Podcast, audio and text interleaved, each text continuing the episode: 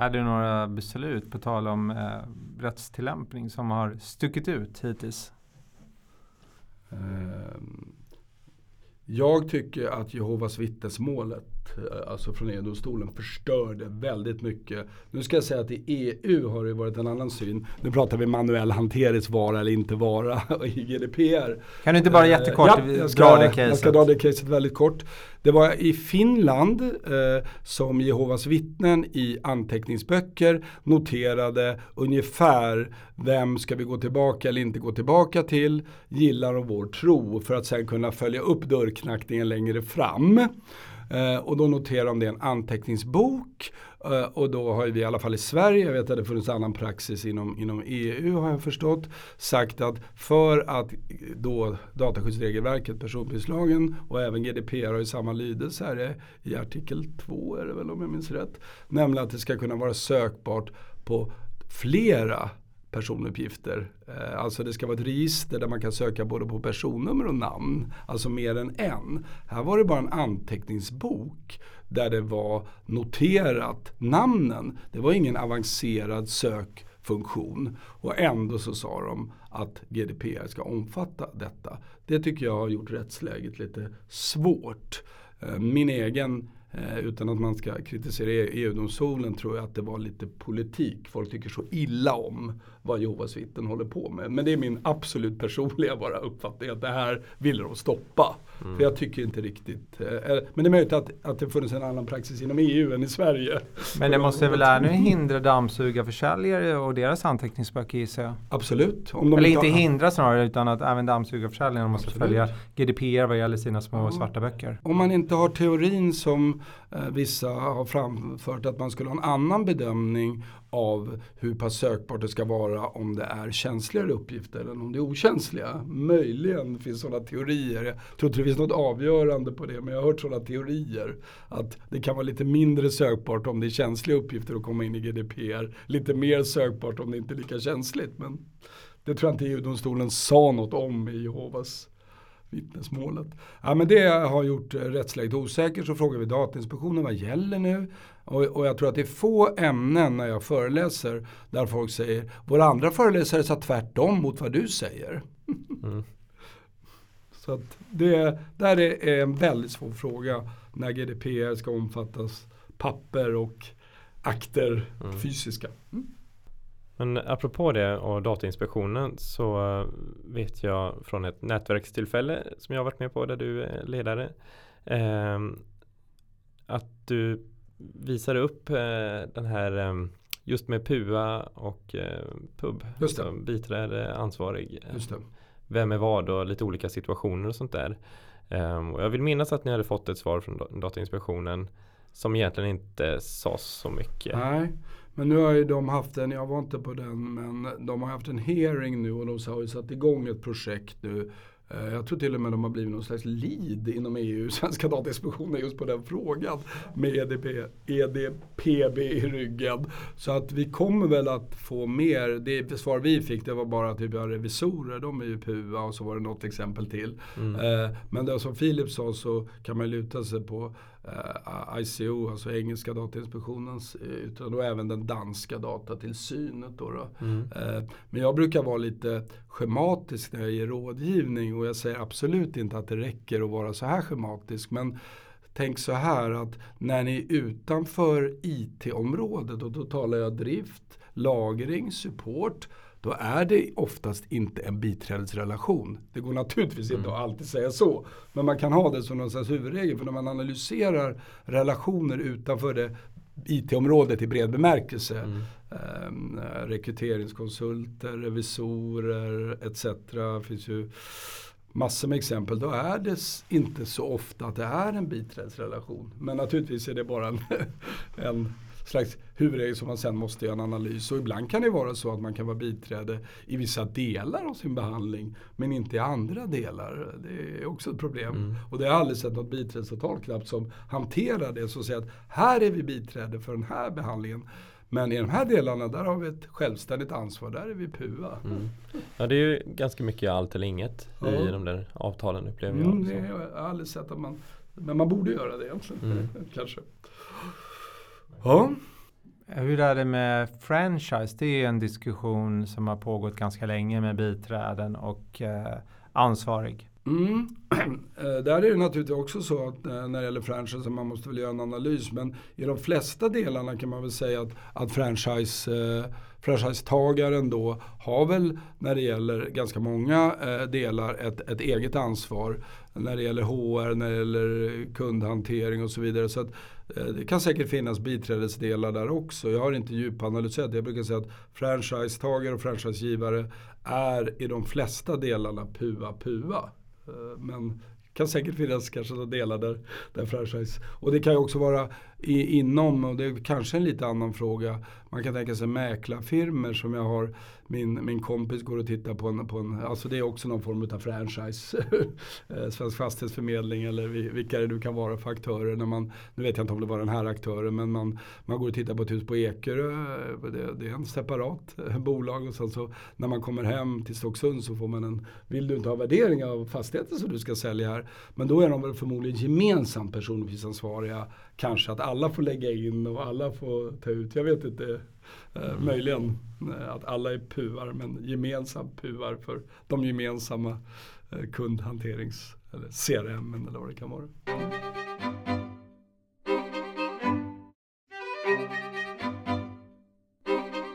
Jag tänkte dra några snabba frågor nu. Mm. Som, du får inte tänka så mycket när du svarar men bara top of mind. Mm. Vad är roligast? Undervisning eller klientmöten? Uh, ja det där är ju en, jag, jag, vet inte om jag kan svara på den frågan. Uh, Man kan svara lika roligt. Ja det, det, skulle jag vilja göra. Lika roligt fast på olika sätt. Det är klart att stå på scen är väl alltid liksom lite roligt.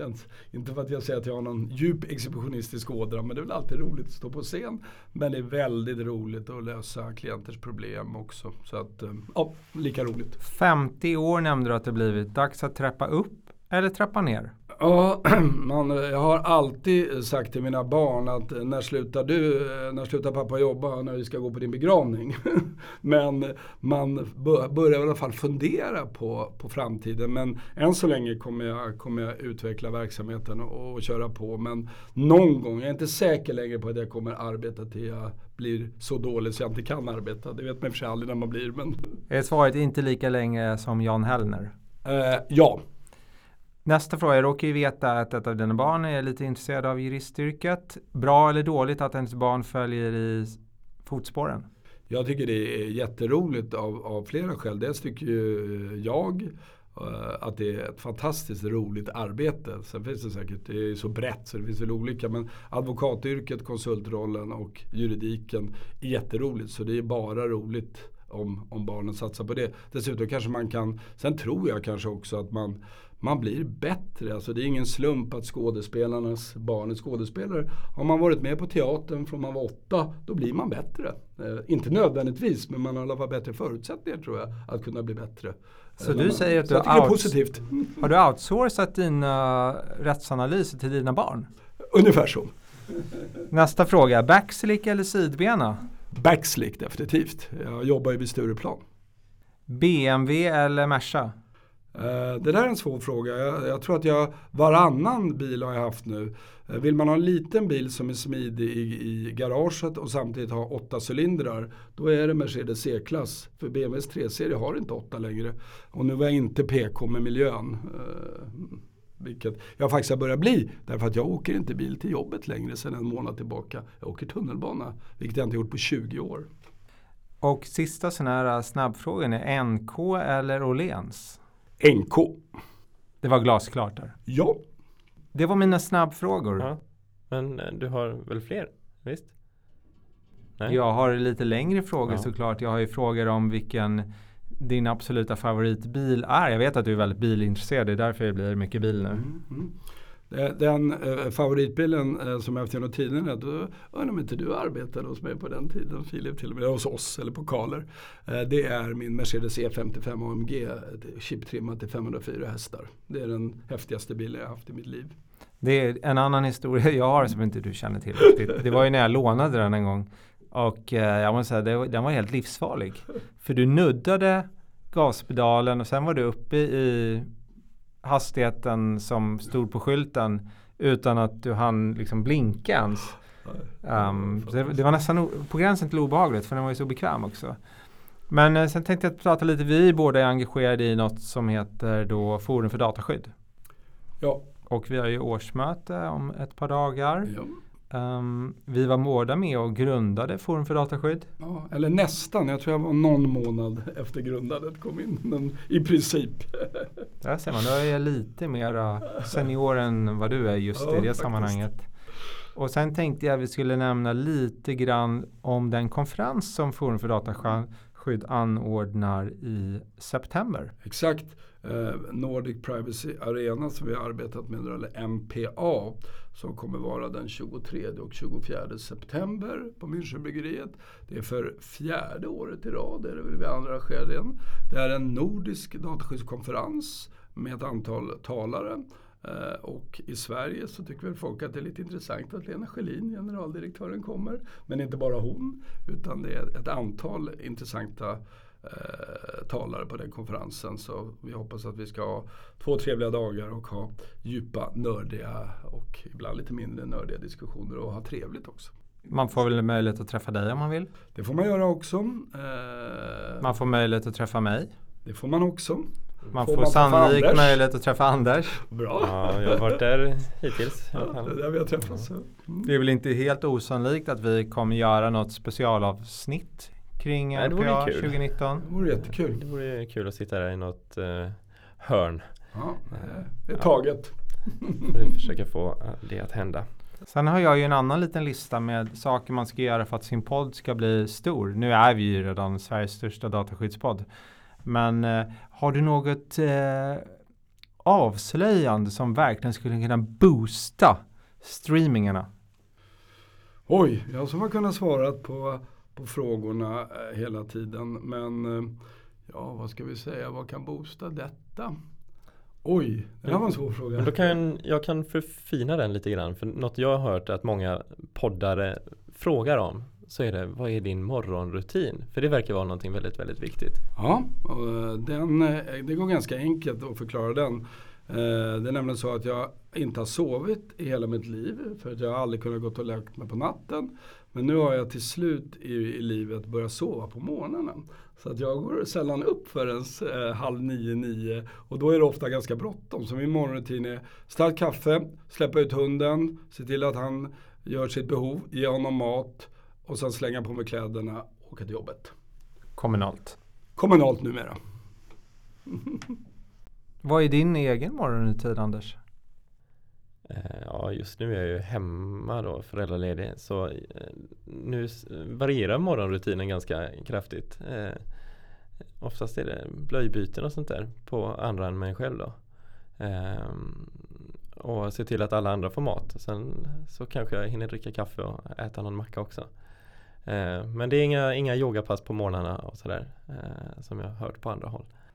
Nej, jag går ju upp klockan fem och springer en mil oftast och sen kör jag 30 minuter yoga. Sen läser jag tre, fyra dagstidningar och sen avslutar jag med att krama mina barn och säga hur mycket jag älskar dem.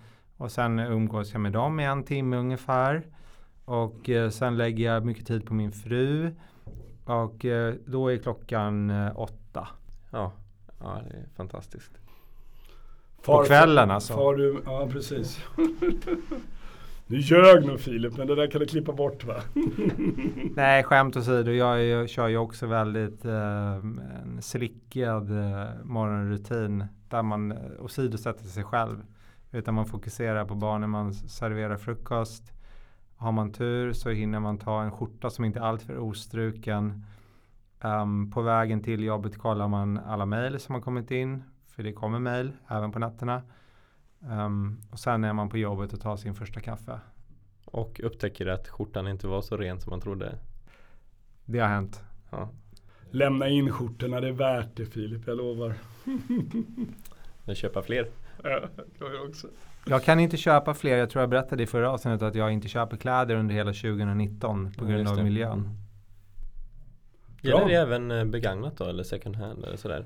Det, var, det är en intressant fråga för den dök upp häromdagen också på lunchen när mina kollegor frågade om det gällde begagnade och jag Mm. sa ja i princip.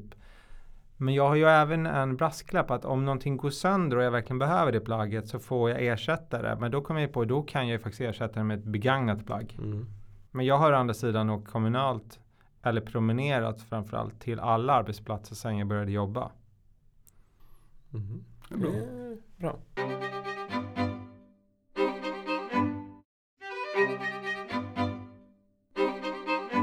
Annan fråga som dök upp i det här nätverket som eh, jag också är del av. Eh, och där vet jag att det finns lite andra åsikter just rörande det. Och det handlar om delvis om pubavtal och möjligheten att avtala bort saker och ting ur det. Framförallt det som har med skadestånd och Mm. sanktionsavgifter att göra. Ehm, och där vet jag att det finns en, annan, en åsikt som är att nej, det spelar egentligen ingen roll i stort sett. Ja, jag får väl säga att så har jag uppfattat Mm. eh, åsikten. Att det spelar ingen roll vad man skriver om det utan en sån klausul skulle i stort sett bli ogiltig. Ehm, men jag har för mig, och du får rätta mig om jag har fel, att du hade någon annan Diametralt tanke? motsatt uppfattning som jag brukar säga. Eh, det har dessutom kommit något utlåtande från, vad det nu har för verkan, men ifrån danska justitieministeriet, departementet också som ger visst stöd för min uppfattning. Men ingen vet ju. Men jag, min uppfattning är så här att om man har en relation mellan ett personuppgiftsansvarig och ett personuppgiftsbiträde så skulle man under förutsatt att inte de här normala ogiltighetsreglerna i avtalslagen om oskäliga avtal kickar in så skulle man kunna skriva att fast vi som personbilsansvariga har gjort allt fel, har fått alla sanktioner av Datainspektionen, har fått allt skadestånd och ni som biträde har gjort allt rätt. Ni har inte fått något skadestånd och ni som biträde har inte fått några sanktioner så ska ni ändå pröjsa allt. Mm. Och jag menar att det är giltigt ett sånt avtal. Skulle ingen skriva på det men för att få en pedagogisk poäng. Mm. Så länge det inte skulle anses vara oskäligt med hänsyn till att styrkeförhållanden skulle vara väldigt stora. Mm. Eh, Men att, att GDPR skulle ha någon tvingande regler om att den som får skadestånd och sanktionen, där ska det stanna. Jag, jag kan inte hitta något stöd för det, men det kan ju naturligtvis praxis eller annat. Jag, vet att det finns teorier att dataskydd, dataskyddet skulle liksom urvattnas för den som skulle ha en sån regel att jag behöver inte betala hur dålig jag än är, skulle kunna strunta i dataskyddet. Under förutsatt att den man ska få tillbaka pengarna av då är solvent eller Mm. inte är insolvent. Så visst, det finns väl kanske en sån tanke. Men i, i, om det ska vara tvingande lagstiftning, i vart fall i svensk rätt och jag vet inte om skillnad i EU-rätten, så skulle det i så fall framgå på något sätt. Mm. Att det är tvingande mot registrerade, men varför skulle det vara tvingande mellan de kommersiella parterna? Det är min uppfattning, men vi får väl se vad som händer. Det kan ju vara intressant att påpeka ändå att i, det finns ju andra jurisdiktioner än den svenska och i vissa jurisdiktioner finns det annan lagstiftning som säger att man inte får begränsa beloppen. Att sådana avtal kan vara ogiltiga. Mm. Um, så att det, jag ville bara flika in det. Och därför man skriver 25 öre i vissa jurisdiktioner eller 25 kronor har jag sett som ansvarsbevis. Varför skriver de inte noll? Ja, det är någon slags common law eller engelsk rätt. En grej som jag ofta tänker på eller som jag Ja, jo men som jag funderar på en del är det här med privacy by design och privacy by default. Eh, och där undrar jag lite nyfiket, hur förklarar du skillnaden? Ja, jag brukar undvika att prata om det, eller på säga, för jag tycker att det är jättesvårt. Eh, Men som jag har förstått lite, privacy by default, det handlar väl om att i systemen ska man ha sådana inställningar så att det by default är ett bra dataskydd. Alltså att man ska inte ha förikryssade samtyckesrutor eller annat utan de ska man kryssa i själv. Medan design, det är väl mera då i samband med upphandlingar och annat att man ska kravställa eh, till exempel vid teknikupphandlingar att, det är, att leverantören kan uppfylla de kraven som behövs för, för dataskyddet. Men det, det, jag, jag gillar inte den där artikel 25. Jag tycker den är, för det första förstår jag inte riktigt vad det är. Jag vet att många pratar om eh, default och design som något väldigt viktigt. Eh, Jag tycker man kan titta på artiklarna om säkerhet i 32. Eh, Jag vet inte hur mycket den tillför artikel 25 egentligen. Men, mm, mm, ja, förutom att man ska tänka på det när man upphandlar. Ja. Och att man ska inte ha, ha inställningar i tekniken som gör att det blir dataskyddsfientligt. Nej, precis. Jag, jag tycker nämligen personligen att det där är knepigt att förklara Mm. någon skillnad på. Mm. Till och med att förstå vad skillnaderna är alla gånger. Ehm, och visst, man kan ju titta på, är det Anne Sevokian, den här Privacy by Design, det där som kom från Kanada. Ehm, men, eh, och det, den i sig tänker jag är ganska bra. Men just eh, artikeln i sig, Ja, eh, när man ska förklara. Jag kan hålla med att om man tittar på vad Anne Kavukian sa, de principerna som finns, det är väl sju stycken eller om det är nio, jag minns inte på rak arm. Så många av dem fångas ju upp av andra artiklar i GDPR var det menade också. än artikeln om Privacy by Design. Jag skulle nog säga att den är delvis överflödig, Privacy by Design, men jag tycker Privacy by Default är väldigt intressant och högst relevant. Att man ska, om det finns inställningar så ska man ha den mest eh, integritetsskyddande inställningen från början. Ja, så får Mm. man ta bort det själv. Mm. Ja. Att till exempel en radio button ska vara av och inte på för tracking och så vidare. Jag tror att det är samtyckesrutor när de nämner i skälen, eller om jag minns rätt. Med före kryssad eller Mm. inte. Ja. Eller var, dokument. Där är ju Eh. ganska många som inte ändrat på någonting ännu. Eh, upplever Mm. jag. Genom empiriska studier som kanske inte skulle vara eh, klara vetenskapliga krav. Men Var det inte det WhatsApp i Tyskland fick några problem med sådana här hur deras inställningar var. nu ska vi inte kanske nämna företag, då får det klippa bort det. Jo, det står här faktiskt. eh, En av de sakerna vi får nämna är smygreklam. Så länge vi inte får betalt. mm. Själv gillar jag ju till exempel uh, Oreo-kakor. Jaha. Får vi se när det kommer en pall med Oreo-kakor hem till, hem till Bromma där. Det blir ett stort ögonblick. Och det har ingenting med cookies att göra.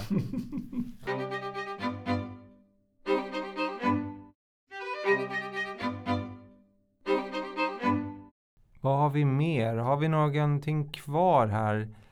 Dialekter står att man eh, blir väldigt framgångsrik poddare om man pratar med väldigt kraftiga dialekter eller gör sig rolig på dialekters bekostnad.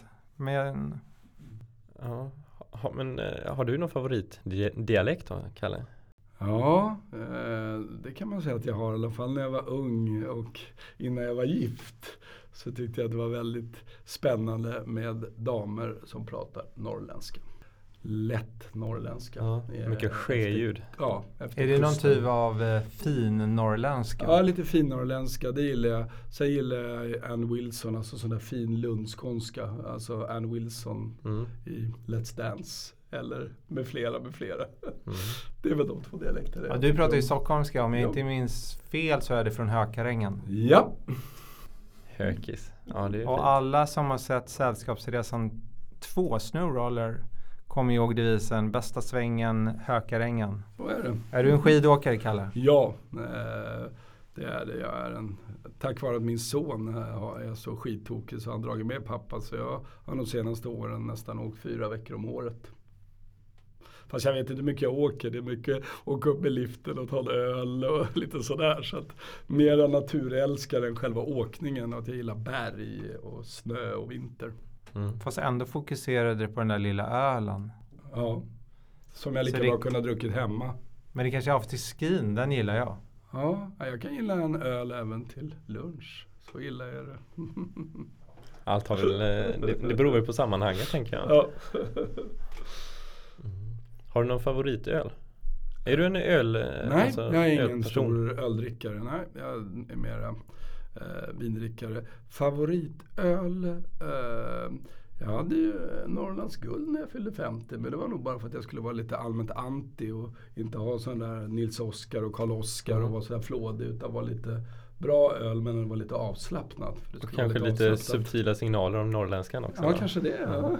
Undermedvetet. Ja. Därav min huvudvärk dagen efter. Ja. Jag tror att vi börjar närma oss slutet, Anders. ja men det tror jag också. Men vi har, det är en viktig fråga till. Som alltid. Mm. Vad är ditt senaste inköpta verktyg? Eh, där får jag nog blotta mitt brutala och totala ointresse av allt som har med hantverk och verktyg att göra. Och om jag ska komma ihåg vad jag senast köpte för verktyg så har jag nog inte knappt köpt något verktyg utom möjligtvis om min fru Lotta har bett mig göra det. Så där får jag nog säga att jag är väldigt ointresserad. Och jag kan faktiskt inte komma ihåg när jag ens köpte något verktyg senast. Sorry. Men det är, jag visste inte att man kunde vara. Jag är djupt chockad. Ja, Även om jag redan visste om det. ja eller, nej, jag vet inte, nu vet jag inte vad jag ska säga faktiskt. Allt vi kan säga är tack för idag. Tack Kalle. Tack Anders. Tackar. Ja, tack allesammans och tack alla ni som lyssnar.